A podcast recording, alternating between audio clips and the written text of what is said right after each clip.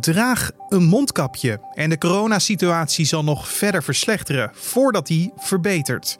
Het waren opmerkelijke uitspraken van de Amerikaanse president Donald Trump tijdens de eerste coronabriefing sinds maanden. Want eerst was hij zelf geen voorstander van het dragen van een mondkapje en zei dat het virus wel zal overwaaien. Hoe moeten we kijken naar deze koerswijziging van Trump? Laten we erover praten. Dit wordt het nieuws. Dus je ziet, er is toch iets van achter de schermen, schat ik zomaar in, uh, van paniek uitgebroken. Ja, dit gaat toch niet goed. Hier moet een, een, een soort koerswijziging plaatsvinden. Nou zal Trump nooit zijn eigen fouten toegeven maar wel met een nieuw verhaal komen. Nou, daar passen dus die mondkapjes in, die plotseling omarmd zijn. Hè? Je moet nu echt een mondkapje gebruiken. Dat was Amerika-deskundige Willem Post. Met hem gaan we straks verder praten over het bijstellen van Trump zijn kijk op de hele coronasituatie in de VS. Maar eerst kijken we kort naar het belangrijkste nieuws van nu. Mijn naam is Carne van der Brink en je luistert naar de Dit wordt het nieuws middagpodcast van woensdag 22 juli. Antwerpen gaat extra coronamaatregelen invoeren vanwege een toenemend aantal nieuwe besmettingen in de Belgische stad. Zo geldt er vanaf zaterdag een bredere mondkapjesplicht en moeten horecazaken de contactgegevens van klanten noteren. Ook verbiedt Antwerpen hoog risicovol consumptiegedrag. Hieronder valt het delen van alcoholische dranken en het gebruik van een waterpijp. Verder is samenscholing met meer dan 10 personen niet toegestaan tenzij onderling voldoende afstand wordt gehouden. Het Veiligheidsberaad in België maakte donderdag bekend of de geplande versoepelingen van de coronamaatregelen op 1 augustus door zullen gaan. Het aantal verwijzingen van huisartsen naar ziekenhuizen is bijna terug op het niveau van voor de coronacrisis. Dat concludeert de Nederlandse Zorgautoriteit op basis van nieuwe cijfers over de medisch specialistische zorg. Als gevolg van de coronacrisis waren er in het eerste halfjaar bijna 800.000 minder verwijzingen naar de medisch specialistische zorg dan gebruikelijk. Ook werd er ruim 60.000 keer minder doorverwezen naar de geestelijke gezondheidszorg. Inmiddels is ruim 90% van de reguliere behandelingen weer hervat. In het aantal verpleegdagen is op dit moment nog geen stijging te zien, maar de registratie hiervan vindt vaak later plaats. De man die in januari tijdens de opnames van een videoclip per ongeluk een vriend doodschoot, heeft twee jaar jeugddetentie opgelegd gekregen. Hoewel Frank Eij 22 jaar oud is, wordt hij op advies van de reclassering als minderjarige gestraft. De rechtbank van Amsterdam sprak hem vrij van doodslag, omdat niet is vastgesteld dat Eij de kans dat hij iemand zou doodschieten op de koop toenam. Een straf van twee jaar cel is het maximale dat kan worden opgelegd in het jeugdstrafrecht. Ook moet Ei de ouders en zus van het slachtoffer 40.000 euro schadevergoeding betalen. En de kroongetuige in de zaak rond de moord op de Maltese anticorruptiejournalist Daphne Caruana Galicia is ernstig gewond geraakt bij een zelfmoordpoging. Dit gebeurde enkele uren voordat hij zou getuigen. De kroongetuige Melvin Teuma ligt volgens Maltese media in kritieke toestand in het ziekenhuis met verwondingen aan zijn nek en torso. De man zegt te hebben opgetreden als tussenpersoon bij de moord op de journalist die in oktober 2017 om het leven werd gebracht met een autobom. De voormalige taxichauffeur kreeg vorig jaar november een presidentieel pardon in ruil voor zijn getuigenis over de aanslag. Na maanden van afwezigheid hield de Amerikaanse president Donald Trump weer zijn coronabriefing in het Witte Huis.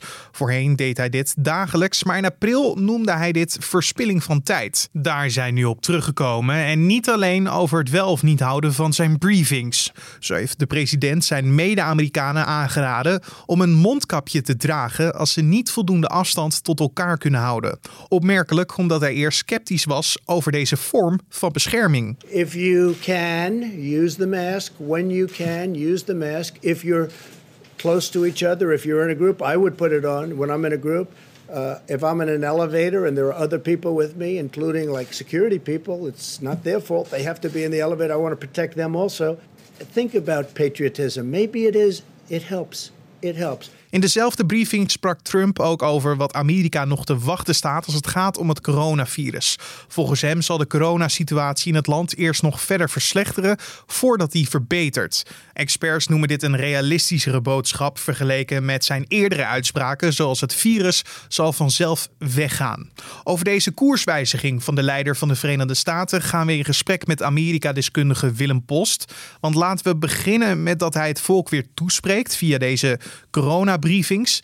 Hij gaat het niet dagelijks doen, maar op regelmatige basis. Waarom heeft hij deze communicatievorm afgestoft? Ja, omdat hij toch wil laten zien uh, dat hij wel degelijk het nu allemaal erg serieus neemt wat er met corona gebeurt. De cijfers uh, die wijzen daar ook op. Hè. Als je ziet dat er uh, gisteren meer dan 65.000 nieuwe besmettingen zijn bijgekomen en 1127 doden.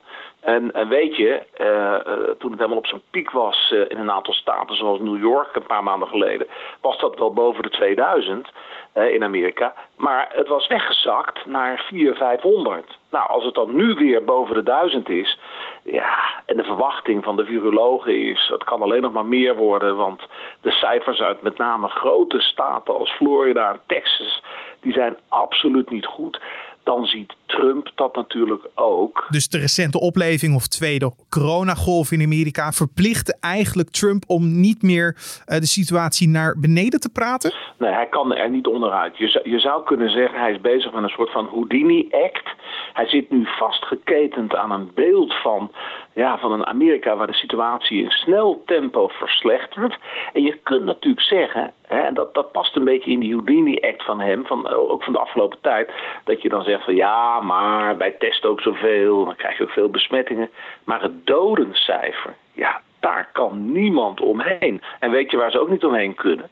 In, in het Witte Huis. Ja, dat in, in staten als Florida en Texas artsen zeggen van eh, de IC ligt vol bij ons. Houston is eigenlijk, Houston, Texas, uh, is eigenlijk het nieuwe New York geworden. Dus ja, dat is voor Trump uh, niet meer te doen om wat hij de afgelopen nou, eigenlijk twee, drie maanden steeds zei van ach, het gaat wel over. Uh, heeft ook wel gezegd, hè, het is eigenlijk een soort van griep. En uh, ik zie het allemaal heel erg optimistisch in. Nou ja, dat optimisme, dat houdt u nog wel vast. Maar dan zegt hij er wel bij, gebruik een mondkapje. want dat, dat is echt nuttig. Ik heb er zelfs eentje in mijn zak zitten. Hij liet het gisteren ook zien op de persconferentie. En als ik bij een groepje mensen te dichtbij sta, dan zet ik hem ook op. En in de lift. Nou, dat is natuurlijk toch wel een hele andere Trump dan, uh, ja, dan eigenlijk kort geleden. Dus je ziet, er is toch iets van achter de schermen, schat ik zomaar in, uh, van paniek uitgebroken. Ja, dit gaat toch niet goed. Hier moet een, een, een soort koerswijziging plaatsvinden. Nou zal Trump nooit uh, zijn eigen fouten toegeven. Maar wel met een nieuw verhaal komen. Nou, daar passen dus die mondkapjes in. Die plotseling uh, omarmd zijn. Hè? Je moet nu echt een mondkapje gebruiken. Ja, want we moeten natuurlijk niet vergeten dat hij al maanden bekritiseerd wordt. voor de manier waarop hij deze crisis aanpakt. en hoe hij erover praat. Denk je dat hij naar enige vorm van kritiek luistert? Of vaart hij echt zijn eigen koers? Ja, weet je, hij luistert er wel naar. In de zin van, uh, de man is niet dom hè. Dat hij ziet wat er gebeurt. Alleen, hij geeft nooit, maar dan ook nooit zijn eigen fouten toe. Hè. Wat hij doet is een, een ander verhaal creëren. Hè. En... Uh, Natuurlijk kunnen journalisten dan zeggen: ja, maar meneer, meneer Trump, u heeft toch gezegd, die mondkapje stelt niks voor en heb je niks aan. En, en uh, u heeft ook wel gezegd van die griep en het zal allemaal snel weggaan. Nou ja, weet je, dan, dan is Trump ook nog wel iemand die in een soort van nieuw verhaal vertelt van... ja, ja, nee, natuurlijk was ik in maart en april optimistisch. Maar ik ben geen viroloog. Maar het is toch logisch dat een Amerikaanse president optimistisch is. Ja, pak nou even wat anders uit. Maar we doen er van alles aan. We helpen die gouverneurs. En dat is ook wat in dat nieuwe verhaal nog meer past. Dat Trump ook zegt van... Ja, we helpen die gouverneurs waar, ze, waar we kunnen. Maar die moeten het vooral toch ook wel zelf doen. Alleen, en dat maakt het een hele moeilijke Houdini echt voor Die gouverneurs in Texas en Florida zijn wel republikeinen. En bij de Democraten, zo'n zo Cuomo in New York, daar komt Trump natuurlijk een beetje tegenaan schoppen. Maar ja, de gouverneur van Florida, de gouverneur van Texas, ook staten, eh, zeker Florida, maar wellicht ook Texas. Dat zijn staten die hij op 3 november heel erg nodig heeft. Dus je ziet, het is wel een beetje een kat in het nauw. Dat vind ik toch dat je er wel aan af kan lezen. Ja, want Amerika wordt nu het hardst getroffen in voornamelijk republikeinse staten. Dat lijkt me een zorgwekkende ontwikkeling voor Trump. Ja, in die zin is het wel een tweede golf. Hè? Je kunt natuurlijk zeggen, eerst in dat Noordoosten, nou ja, New York en omgeving, hè, dat zijn toch over het algemeen democratische staten. Ja, en hè, dus zeg maar het blauwe Amerika. Maar nu wordt toch ook vooral het rode Amerika getroffen. En dat was natuurlijk iets, ja, kijk, dat heeft alles te maken met het openen van de economie. Ga naar de cafés toe. zorg voor klandizie. Trump heeft het ook letterlijk zo gezegd. En nu zegt Trump gisteren op de persconferentie: Nijd bars waar het druk is. Kijk uit. dus ja, dat is dan toch wel een, een, een heel ander sentiment wat hij etaleert dan, uh, dan, dan kort geleden. Dus het is heel opmerkelijk. Maar weet je, we moeten wel beseffen, het is niet een totale omdraaien. Want de virologen, hè, uh, Dr. Fauci, hè, die zelfs boven Jaap van Dissel staat hè, in de rangorde, toch de, beroemdste viroloog ter wereld en zeer gerespecteerd en altijd heel nuchter en ook de ernst brengt daar steeds onder woorden. Dr. Fauci is niet uitgenodigd gisteren op de persconferentie. Kijk, als je echt natuurlijk uh, een koerswijziging ten diepste uitvoert, ja, dan moet je je laten vergezellen door de notabene nummer 1 in de wereld op dit gebied, hè, die onder zes presidenten heeft gediend. Maar die, die is niet uitgenodigd en, en, en, en de dame die er ook vaak bij zit, hè, mevrouw Briggs, ja, die stond, die stond, ja, Trump zei ze is wel in de buurt hoor maar die, zeg maar de mevrouw Koopmans van, uh, van, van Washington. Maar die stond ergens in een gang in het Witte Huis te luisteren. Maar die mocht niet in beeld komen. Trump is natuurlijk ook wel bezorgd dat virologen ja, toch de ernst nog wat verder uitdiepen dan wat Trump ook al een beetje deed. Maar het moet natuurlijk niet te gek worden. Je moet geen virologen hebben die zeggen van ja, maar dit loopt helemaal uit de klauwen.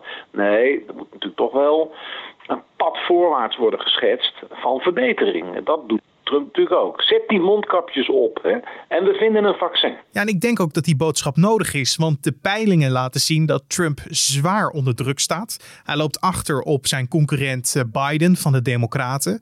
Maar denk je dat dan nu elke beslissing genomen wordt met in het achterhoofd houdend de herverkiezing eh, van november? Nou, absoluut. Absoluut is dat uh, waar alles aan gerelateerd wordt. En natuurlijk, en je kunt corona heel makkelijk relateren aan de politiek. We zien de gevolgen hè, als de president ja, hè, toch zo'n uh, ja, beetje slappe koers vaart ten opzichte van het coronavirus de afgelopen maanden. En de cijfers spreken duidelijke taal. Dan vertaalt zich dat ook politiek. En dat hebben we ook gezien. Trump deed het in, nou laten we zeggen, vlak voor aan de vooravond van die uitbraak van het coronavirus, zeg maar in februari. deed Trump het natuurlijk best wel redelijk goed. Hè. En dan zie je dus nu wat voor impact corona wel niet heeft. En ja, de economie die natuurlijk moeilijker draait. Er is ook een hulppakket, hè, massale financiële steun voor Amerikaanse bedrijven en, en werknemers en, mensen die geen baan meer hebben. Maar dat pakket loopt nu af. Dus uh, dat maakt het voor Trump allemaal heel erg spannend. Want ja, wat nu? je kunt niet oeverloos geld in de Amerikaanse economie blijven pompen. Hè. Dus die bedragen gaan wat naar beneden waarschijnlijk. Hè. Die worden uitgekeerd, die 600 dollar per week. Als je werkloos was, hè, dan, dan kreeg je dat. Nou, dat, wordt, dat zal wel een stukje minder gaan worden. En dus het is een president ja, die toch met de wagen een beetje in het zand loopt. En dat is natuurlijk buitengewoon frustrerend voor iemand die een killer is, een winnaar is. En dat ziet er nu op dit moment niet naar uit. Maar Trump zal zeggen, het is eind juli, we hebben een aantal maanden te gaan en je zal zien, het gaat met de economie minder slecht, nog niet helemaal goed de komende tijd. Het coronavirus, uh, er komt iets van een vaccin. Vandaag is er een mega deal gesloten met een Amerikaans uh, uh, geneesmiddelenbedrijf. Als het allemaal wordt goedgekeurd, eind december komt het tot de markt. Nou, dat is na 3 november, maar dat zijn natuurlijk wel berichten eh, die, uh, ja, die Trump heel goed kan gebruiken. Dus het is nog geen gelopen race, zou ik tegen de Biden-mensen willen zeggen. Nee, zeker niet. En we hebben ook nog even te gaan. Maar in de tussentijd uh, roept hij dus Amerikanen op om een mondkapje te dragen. Zelf is hij hier ook vrij nieuw mee. Volgens mij heeft hij het tot nu toe twee keer in het openbaar gedragen, denk ik zo. Denk je dat de Amerikanen ook naar zijn oproep zullen luisteren? Ja, ik denk dat de mondkapjesgeest al uit de fles is. Hè? Want Trump heeft zeer recentelijk nog gezegd nou ja, Uh, er zijn mensen met een mondkapje op, die, dat zijn dan democraten, hè? een beetje van die slappe, bange figuren. Hè? Uh, ja, dat doen ze om, uh, om, om, om, om te demonstreren tegen mij. En, en er zijn natuurlijk massaal uh, mensen, uh, nou ja, Trump-aanhangers. Ook, ook zagen we dat wel bij die eerdere rally in Tulsa. Er waren wel met mondkapjes voor, maar toch ook een heleboel niet en dicht op elkaar. Nee, dit is het land van de vrijheid. En onze president uh, doet het ook niet. Dus of als met een toverstafje en nu heel veel Amerikanen die zo hunkeren dan naar hun individuele vrijheid en niks van mondkapjes moeten hebben, of die nou plotseling ook bekeerd worden, daar heb ik toch al mijn vraagtekens bij. Dus uh, het is in ieder geval een heel verwarrend beeld. Hè? Dat eerst gezegd wordt, het is totale onzin zo'n mondkapje. Het is eigenlijk een soort belediging van mij als president als je dat doet. Uh, en, en, en nu zeggen van nee, je moet het gebruiken, want het is echt belangrijk, heeft Trump gezegd. Hij heeft trouwens ook gezegd, ja, ik schiet een beetje in de lach, Trump heeft gezegd die anderhalve meter. Hè, die ziet toch een beetje de, de andere koers nu. Ja, dat is heel goed.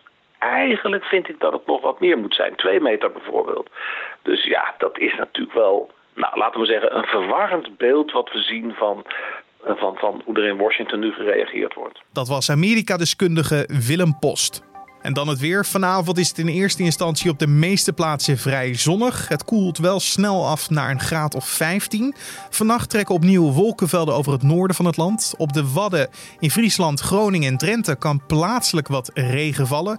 En het koelt in de nacht verder af naar 7 tot 9 graden. Morgen wisselen zon en wolken elkaar af. In het noorden kan plaatselijk een bui vallen. En later op de dag neemt de bewolking vanuit het westen opnieuw toe. Het kwik stijgt naar 21 tot 24 graden en in het zuiden plaatselijk zelfs 25 graden. En tot zover de Dit wordt het nieuwsmiddag podcast voor deze woensdag 22 juli. Je vindt de podcast in de middag en in de ochtend op de voorpagina van nu.nl en in je favoriete podcast app. En als je deze podcast beluistert via je favoriete podcast app, zoals een Spotify, Apple Podcast of Google Podcast, vergeet je dan niet gratis te abonneren, want zo staat elke keer weer de podcast voor je klaar. Heb je vragen of suggesties? Feedback. Stuur door naar podcast.nu.nl en een recensie kan je achterlaten bij Apple Podcast. Mijn naam is Carne van der Brink. Morgenochtend ben ik er weer, dus dan hopelijk jij ook. Tot dan!